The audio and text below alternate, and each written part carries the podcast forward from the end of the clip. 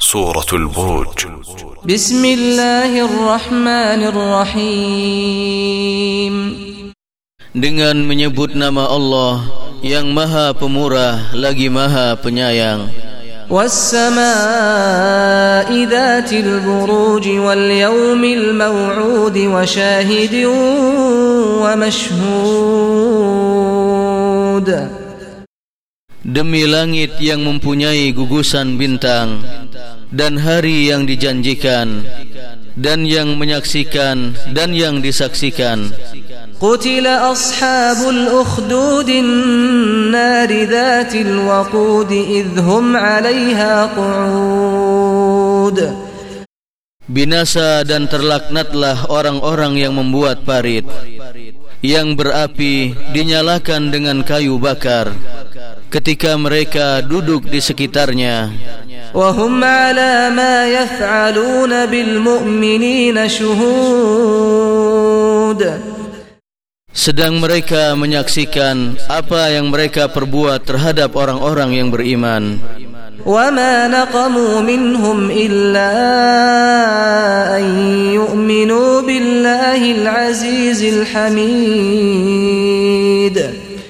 Dan mereka tidak menyiksa orang-orang mukmin itu Melainkan karena orang-orang mukmin itu beriman kepada Allah Yang maha perkasa lagi maha terpuji الذي له ملك السماوات والأرض والله على كل شيء شهيد Yang mempunyai kerajaan langit dan bumi Dan Allah maha menyaksikan segala sesuatu. إن الذين فتنوا المؤمنين والمؤمنات ثم لم يتوبوا فلهم عذاب جهنم فلهم عذاب جهنم ولهم عذاب الحريق Sesungguhnya orang-orang yang mendatangkan cobaan kepada orang-orang mukmin laki-laki dan perempuan kemudian mereka tidak bertaubat maka bagi mereka azab jahanam dan bagi mereka azab neraka yang membakar. Innalladzina amanu wa 'amilus salihati lahum jannatun tajri min tahtiha al-anhar.